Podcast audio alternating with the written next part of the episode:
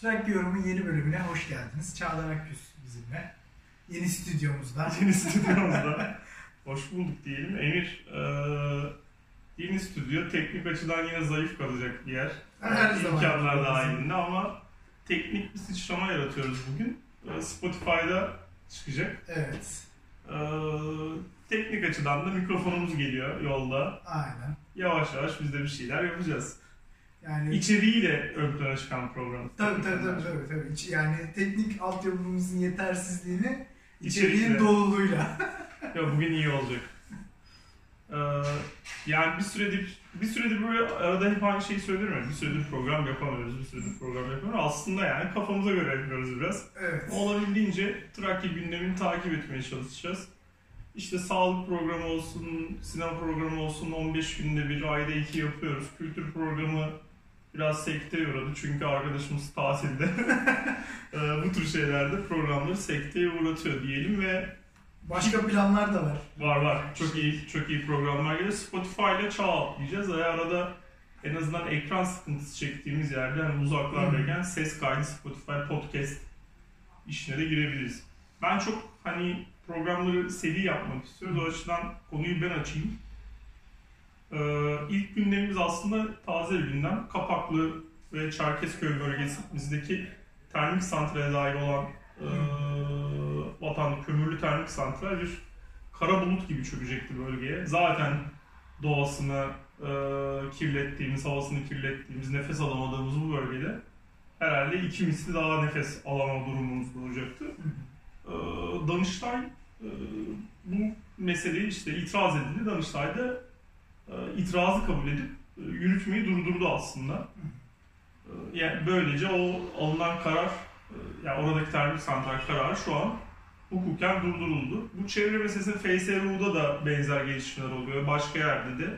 Çevreciler aslında baktığımızda Trakya'nın da doğasına sahip çıkan yurttaşlar bu işin hukuk mücadelesi çok çok önemlidir. Kazanımlar elde ediyorlar ve e, bu kazanımlarla da biz iyi işler çıktığını görüyoruz. Bir hukukçu olarak bugün ben sana iki soruyu atayım. Yani bu işte özellikle Trakya'daki çevre mücadelesi, bu hukuk meselesi nereye oturuyor? Bu Danıştay kararından sonraki süreç nasıl ilerler?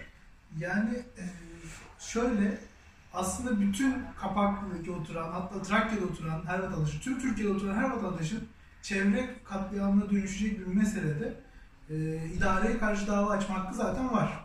Yani kişisel menfaatimizi ihlal eden bir mesele bu. Özellikle çevre meselelerini bu Yani ben sade bir vatandaş şey. olarak gidip Tabii tabii durdurmaya karşı. Çevreciler bu konuda çok uğraşıyorlar.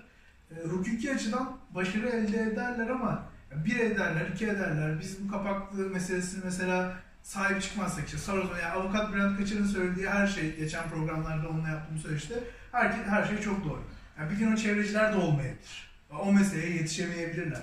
Hukuki zafer kazanmak o açıdan özellikle böyle konularda biraz daha kolay ama bunu her geçen gün değiştirmeye başlayacak. Önce teknik birkaç bir şey değişecek. Önce diyecekler ki hayır her vatandaşın dava açması hakkını işte elinden alacak. Diyecek senin burada bir menfaati yok bilmem ne. Teknik meselelerle yavaş yavaş götürüp en sonunda e, öyle bir hale getirecekler ki davayı açmaya imkanı olmayacak, durdurmaya imkanı olacak. Şimdi Danıştay'da bu iş durdurulur. 5 sene geçer, biraz daha olay şeyleşir, unutulmaya yüz tuttuğu zaman tekrar denerler.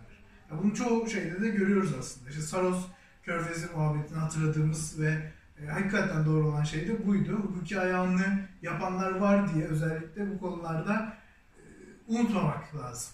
Yoksa onlar bir yerlerden girmesini başarırlar. Hukuki ayağı e, alt ederler kamuoyu. Danıştay kararı nasıl çiğnenebilir mesela fiilen? Çiğnendiği örnekler oluyor mu? Yani benim bildiğim e, ya çok bir tecrübem yok bu konuda ama Olsun Türkiye'de- takip ediyorsun diye ben Ha. genç avukata. Yani e, şey açısından benim kendim pratikte gördüğüm çünkü yaşımın da genç olması pratikte gördüğüm çok bir şey yok ama e, duyduğum işte derslerde gördüğümüz diyeyim kısaca biraz işin mutfağında gördüğüm şeyde var yaparlar bunu. Oldu bittiye getirirler en olmadı. Yani şu Bomonti fabrikası meselesinde sanırım geçenlerde haberde çıktı mesela. Daha şey yıkılma kararı alınmadan direkt yıkmışlar. İşte oldu bittiğinden sonra o şeyi gerçekleştiremezsin. Tekrardan var edemeyeceğine göre o tarihi yapıyı oldu bittiye getirmek Türkiye'de çok basit bir şey. O yüzden e, hukuki kararlar, kararlar çok soyut şeyler. Evet e, bir durdurucu yanı var, korkutucu bir yanı da gelebilir ama bir şirket bunun bedelini ödemeye hazırsa yapar. Ya da bir kurum.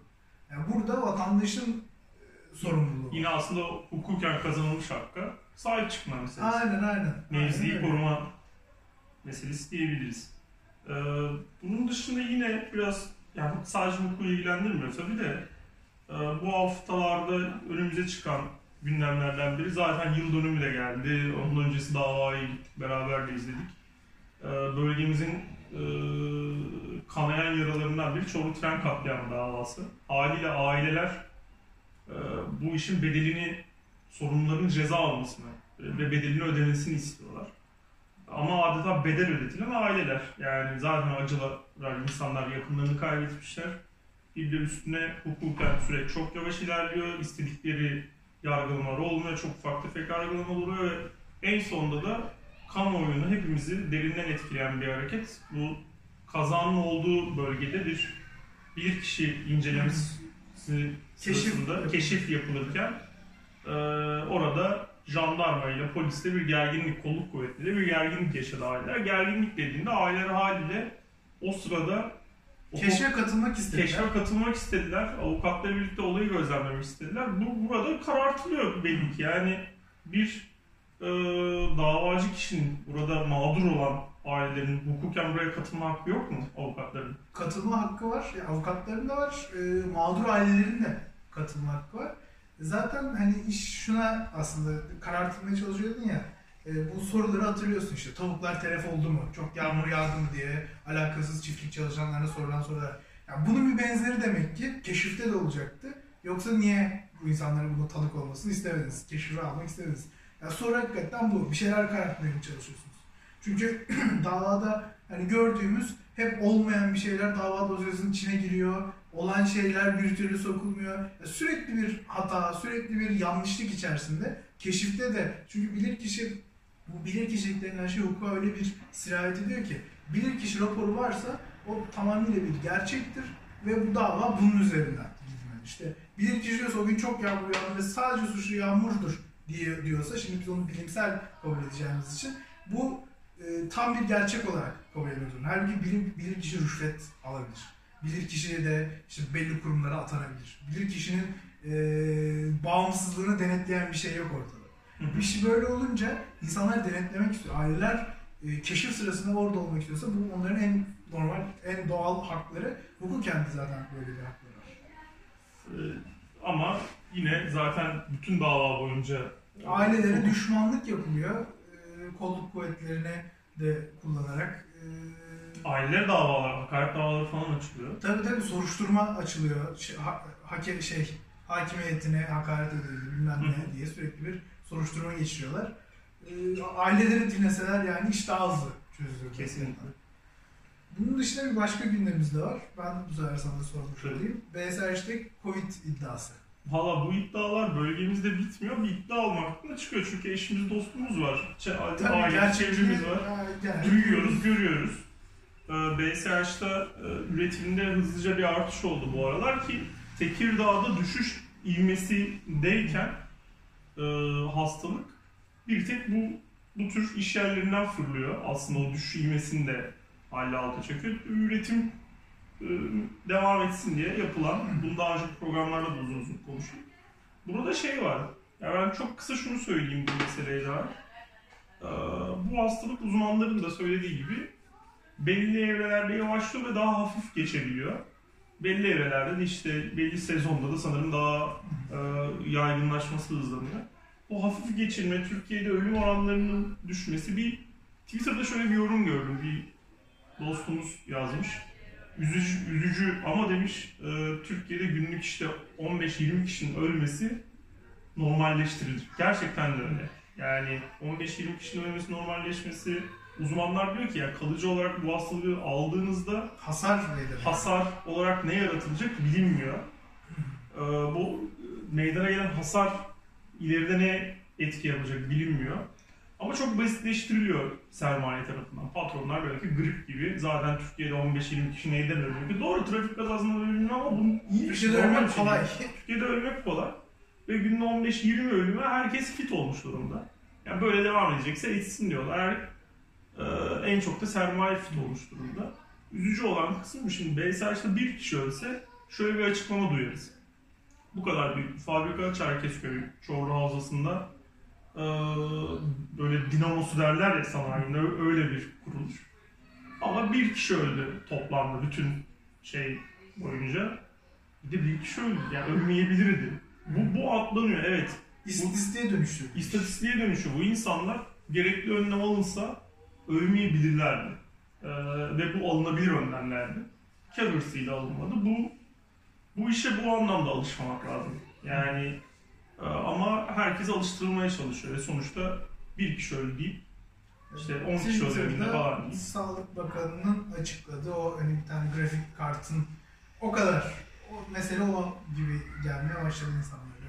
Evet. Yani üzücü kısmı o. Diğer yerler için de böyle. Yani tüm Türkiye açısından BSH'tan biraz daha genele bakarsak, memlekete bakarsak aslında en büyük sorun o. Yani BSH'ta işçilerin bir talebi var. İşçiler taleplerini dile getirmişler. Acilen yaygın bize test yapılsın ve üretim öyle devam edin diye. Sadece hani or oraya değenleri anladığım kadarıyla bir karantina altına al almışlar. Onun dışında aynen her şey devam ediyor üretim. Test vesaire diyor. Bu memleketin genel hali test vesaire. Hastalık belirtisi olan ama test yapmayacağız diyor aslında. Diğer karantinaya alan yurttaşa bile. Yani bu böyle olunca da bu risk her zaman artıyor. Dediğim gibi iş istatistiği indiği için de bu iş gitgide karamsar bir hale alıyor. Bir başka bir işçi arkadaşımızın da senin de bildiğin işte arkadaşında hani Covid çıkması sonrası karantinaya alınmıştı. Sonra işte karantinadan çıktı birkaç hafta sonra. E, kendi bandında çalışan biri bu sefer Covid çıktı. Bandtan işte o kişiyi aldılar, işte hasta oldu, şey yapıldı.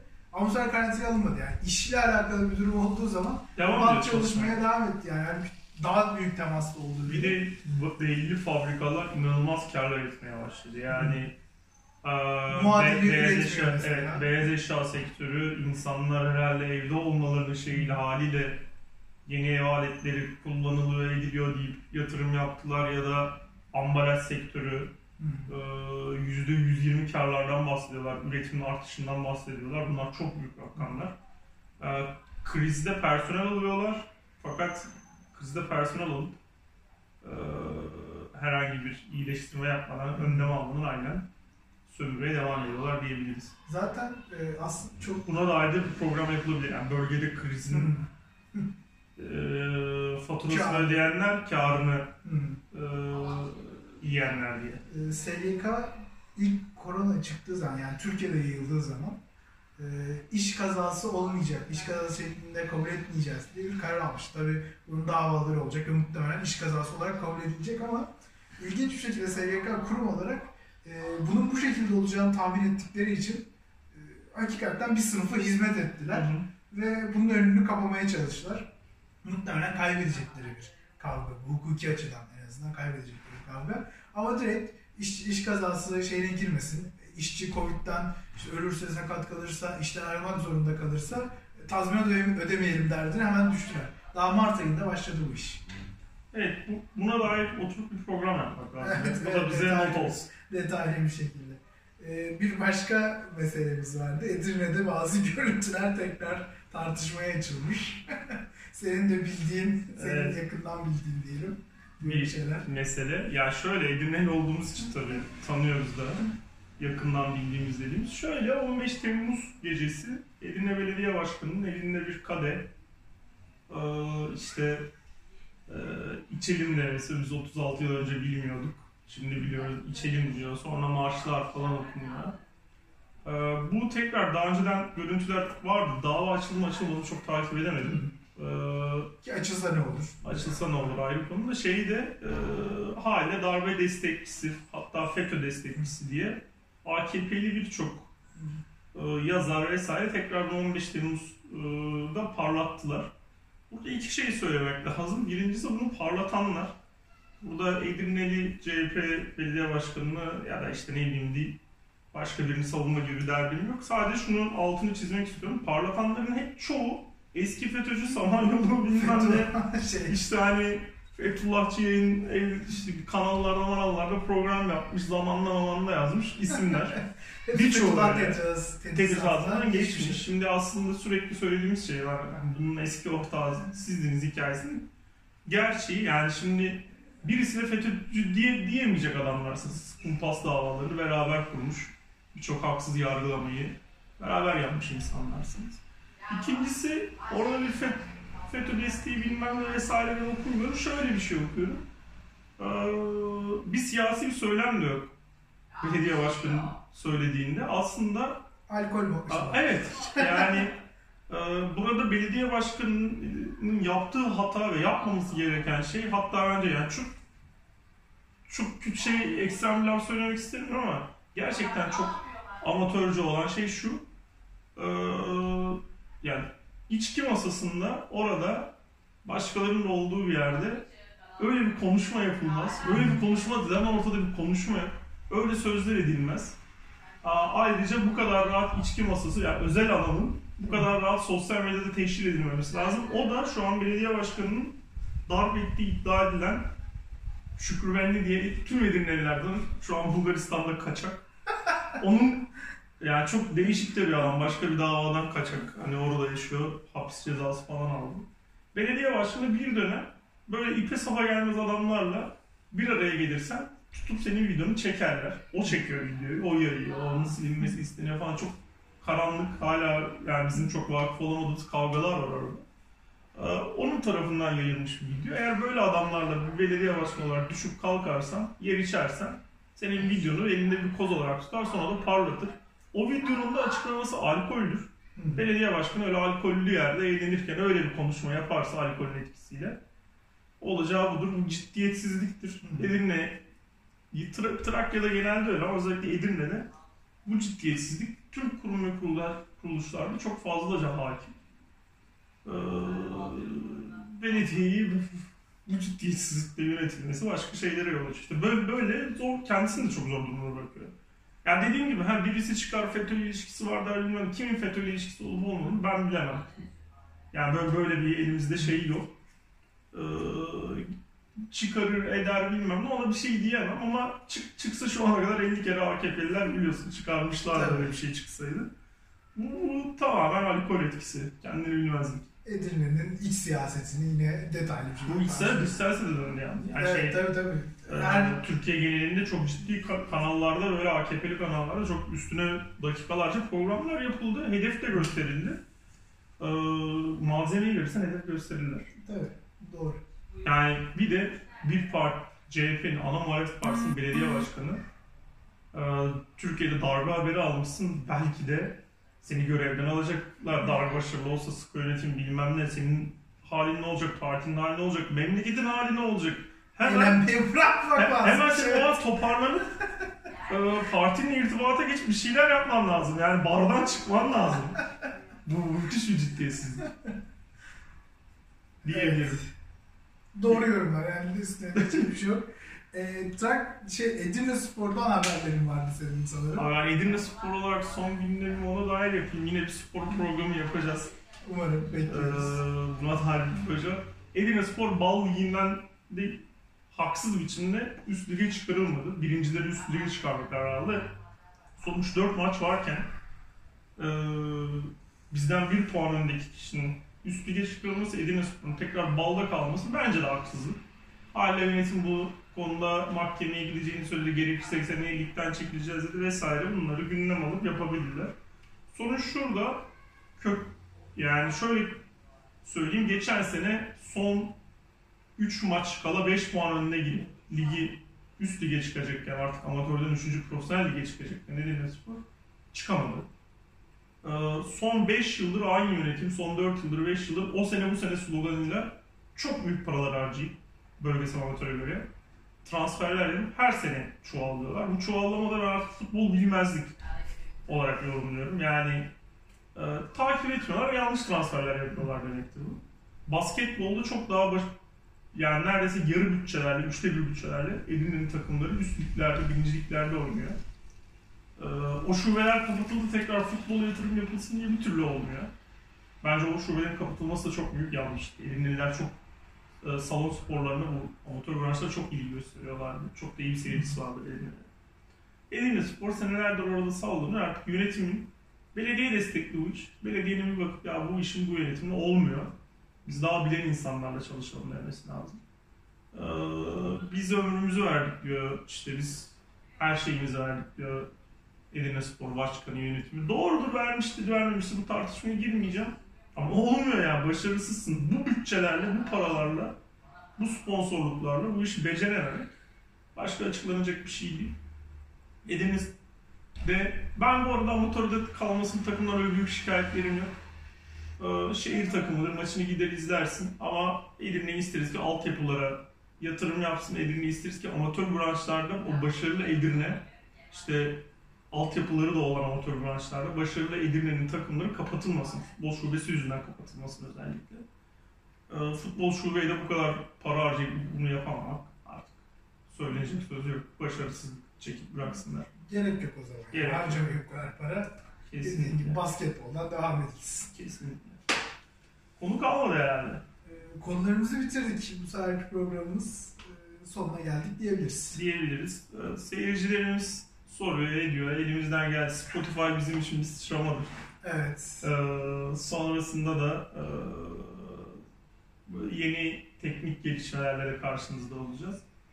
Eylül ayı ile birlikte kanalımız daha oturmuş, daha programlı bir kanal olacak. En kötü Emir'le ben solumuz yettiğince program yapmaya devam edeceğiz. Keyfimize göre. Keyfimize göre diyelim yine. Keyfimize göre kızan izleyicilerimiz olmuş. Yani ciddiyetsiz bulmuşlar. Doğrudur o anlamda demiyoruz. Biz aslında ciddiye de alıyoruz, çalışıyoruz.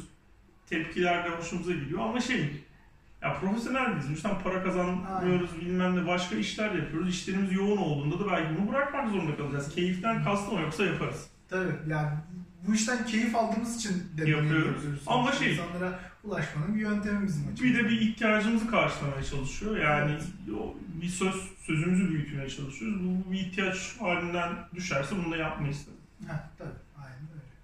Sağlıcakla kalın. Sağlıcakla kalın.